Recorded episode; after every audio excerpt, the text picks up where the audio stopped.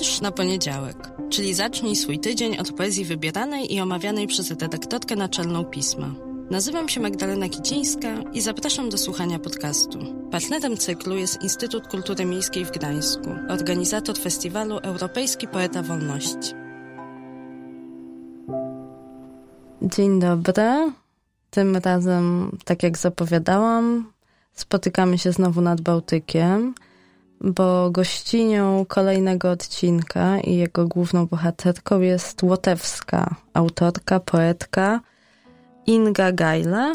Nie ukrywam, nie znałam wcześniej tej poetki i w ogóle zawstydzająco niewiele wiem o łotewskiej literaturze i dzięki Europejskiemu Poecie Wolności mam okazję odrobinę chociaż ten brak nadrobić, ale mam też świadomość, że na pewno dziedzictwo literackie łotewskie jest bardzo bogate, a na pewno też o nim mogłaby mi opowiedzieć Inga Gajle, dlatego że jest przewodniczącą Łotewskiego Pen Klubu i w związku z tym osobą, która spina działalność literatów i literatek e, w tym kraju i, i dba też o rozpowszechnianie literatury łotewskiej. Mam nadzieję, że w Gdańsku będziemy miały okazję się poznać, kiedy konkurs Europejski Poeta Wolności będzie rozstrzygany.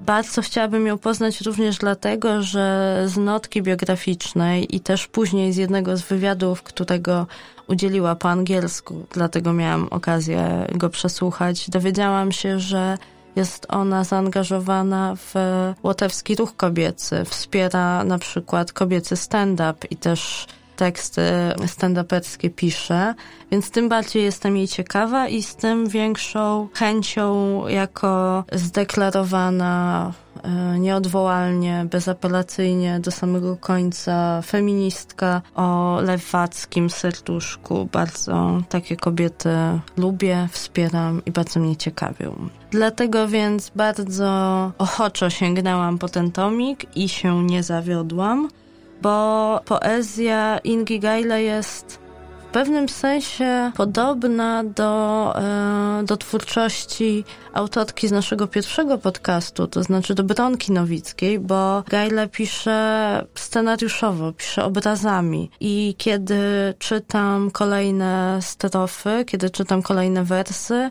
to sobie tę historię w głowie buduję. I dlatego bardzo chciałabym, żebyście posłuchali wiersza, który dla Was wybrałam. Wiersz nosi tytuł Podróż i możemy go czytać w języku polskim dzięki tłumaczce Agnieszce Smarzewskiej, a tutaj interpretuje go Magdalena Celmer. Nie jestem chłopcem ze strefy gazy, którego budzą świszczące odgłosy – gdy śpi na materacu w szkolnej sali gimnastycznej. Nie jestem. Nie jestem badaczką kosmosu z Niemiec, bardzo piękną, istną aryjką. W naszych stronach tylko transwestyci są tak piękni. Nie jestem. Nie jestem dziadkiem w pół obrotu przed kabiną pilota. Mrużę oczy Wierzę, że wszystko to, co się dzieje, to kadr z filmu, oglądanego przez synka. Nie jestem. Nie jestem żydowskim, palestyńskim nastolatkiem. W przeguby rąk wgryza się powróz. Czuję wargami, że tkanina worka jest słodka. Nie jestem.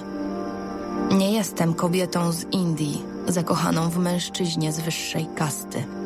Przekradam się z łóżka kochanka do domu. W oknie sąsiadów mój człowiek, który tak chciałby się nazywać. Pojmuję, jak bardzo nie chcę umierać. Czerwona kula słońca nad metalicznym gangesem. Ostatnie wspomnienie. Ostatnie wspomnienie, co jest moim ostatnim wspomnieniem. Chcę krzyczeć do wszystkich opłakujących, żebym nie musiała ginąć żebym była wdech-wydech, dziadkiem, mężczyzną, gangesem, żebym była czasem, żebym była opaską na ręku noworodka urodzonego przed nadchodzącą wojną. Żebym była w tej chwili, gdy staruszek kupuje w Rimi kiełbasę, nowiny, Upada mu okrągły metalowy zegarek. Księżyc. On sam. Oczywiście pachnie jesienią. Mężczyzna to ja. Nachyla się, żeby podnieść zegarek dłonią spoconą od słońca. Jego ramienia dotyka dziewczyna. To też ja. Jesteśmy nad morzem. W oddali migoczą ogniki. Jeszcze nie jest groźnie. Pływamy, ślepe kocięta w wielkiej misce ulubieńca matki. Ktoś walczy ze słowami, żeby powiedzieć: Rozumiesz, może. Jeśli tak, to może udałaby się podróż, może gdyby wszystko przerwać, przekrzyczeć, na chwilę się zatrzymać, nie zaczynać wszystkiego od nowa. Nie, po prostu tak, dotyka jej piersi. To też jestem ja. Może udałaby się podróż, choć pewnie nic takiego nie ma. Jest tylko statek. Statek oddalający się przez pożółkłe kartki. I tylko ogromny, równy bezkres wód. Słońce nurkuje. Stoję na brzegu i nie rozumiem, jak mogłam to wszystko w tak krótkim czasie, w tak dziwny sposób, jak, bo przecież chciałam dobrze. Za moimi plecami stoi młoda kobieta z ogromnym brzuchem i jest mi jej oczywiście żal. W nogach łóżka siedzi staruszka z pistoletem, a na balkonie słoń w pozie Buddy. Zostałam wciśnięta na czarną półkę między Deluza Body. Podoba mi się. W mieszkaniu sąsiadów rozlega się płacz dziecka. Widzę, jak się budzą. Jego ręka na jej okrągłym brzuchu. Ona mówi: Nie jestem. Naprawdę, nie jestem.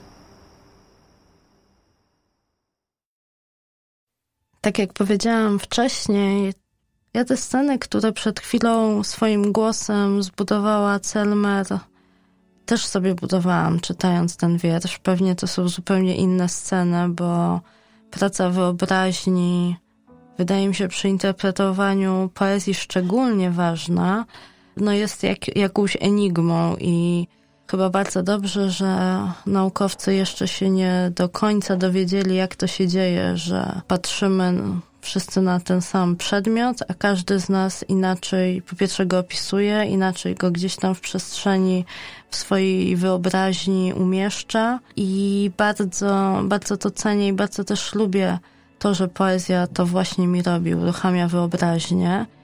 A wiersze tej łotewskiej autorki są bardzo dobrym przykładem, czy takim materiałem do tego, żeby sobie trochę wyobraźnię rozruszać, bo można czytając jej wiersze, zobaczyć, jak, jak te światy z różnych klocków, czasami są klocki z bardzo różnych kolekcji, wydawałoby się, że do siebie nieprzystające, można układać i, i, i przekładać i zmieniać, trochę e, się tymi konstrukcjami pobawić i kreować coraz to nowe sensy. Bardzo zaskakujące są te teksty zebrane w tomiku Wielkanoc i wydaje mi się, że bardzo dobre również dla kogoś, kto na co dzień no właśnie z poezją może nie ma zbyt wiele wspólnego, albo się trochę jej boi, bo ciągle nam się wydaje, że albo że poezja jest tym bardzo, bardzo, bardzo wysoko gdzieś stojącym na piedestale, ale to jest taki piedestał z, ze szkła, bardzo delikatny, niedostępny, też taki może zimny czasami, że ona gdzieś tam jest i się boimy po nią sięgnąć, podczas gdy poezją się można też bawić. Tutaj ani ja, ani nikt inny, jeżeli słuchacie tych wierszy na naszej stronie, czy czytacie je w papierowym mm, wydaniu pisma, tu nikt was nie zapyta o interpretację i analizę, o to, co poeta czy poeta mieli na myśli. Poezja jest po to, żeby wam trochę odpowiedzieć, co wy macie na myśli, co czujecie, jak nazwać te uczucia i te stany. I czasami to nazwanie może przyjść, czy takie poczucie sensu może przyjść, a kiedy się obcuje z twórczością zaskakującą, wybijającą z rytmu, um, dostarczającą takich ciekawych, niespodziewanych, dziwnych, czasami dziwacznych wręcz obrazów, scen. A poezja Ingi Gajle właśnie taka jest. Bardzo dynamiczna, bardzo, no właśnie, operująca scenami, scenkami, wydarzeniami, obrazami. Trochę może nawet filmowa w tym sensie. Bardzo się cieszę, że mogłam taką niespodziankę łotewską otrzymać i trochę się nią z wami podzielić i zachęcić do eksplorowania twórczości Ingi Gajle i do łotewskiej literatury również, bo no właśnie tak jak wspominałam, mało wiemy o naszych sąsiadach, a gdzieś tam jest jakaś taka, nie wiem, może nas wspólna nuta duszy bałtyckiej, że coś tam nam to może wspólnego daje. Coś między poczuciem humoru, ironią, jakimś takim celnym spojrzeniem, czasami ciętą ripostą. I w wierszach e, naszej poprzedniej bohaterki, Agne Żagrakalite, i w wierszach Ingi Gajle, coś takiego naszego, swojskiego, a na pewno mojego, mam nadzieję, że też waszego można odnaleźć. Do usłyszenia.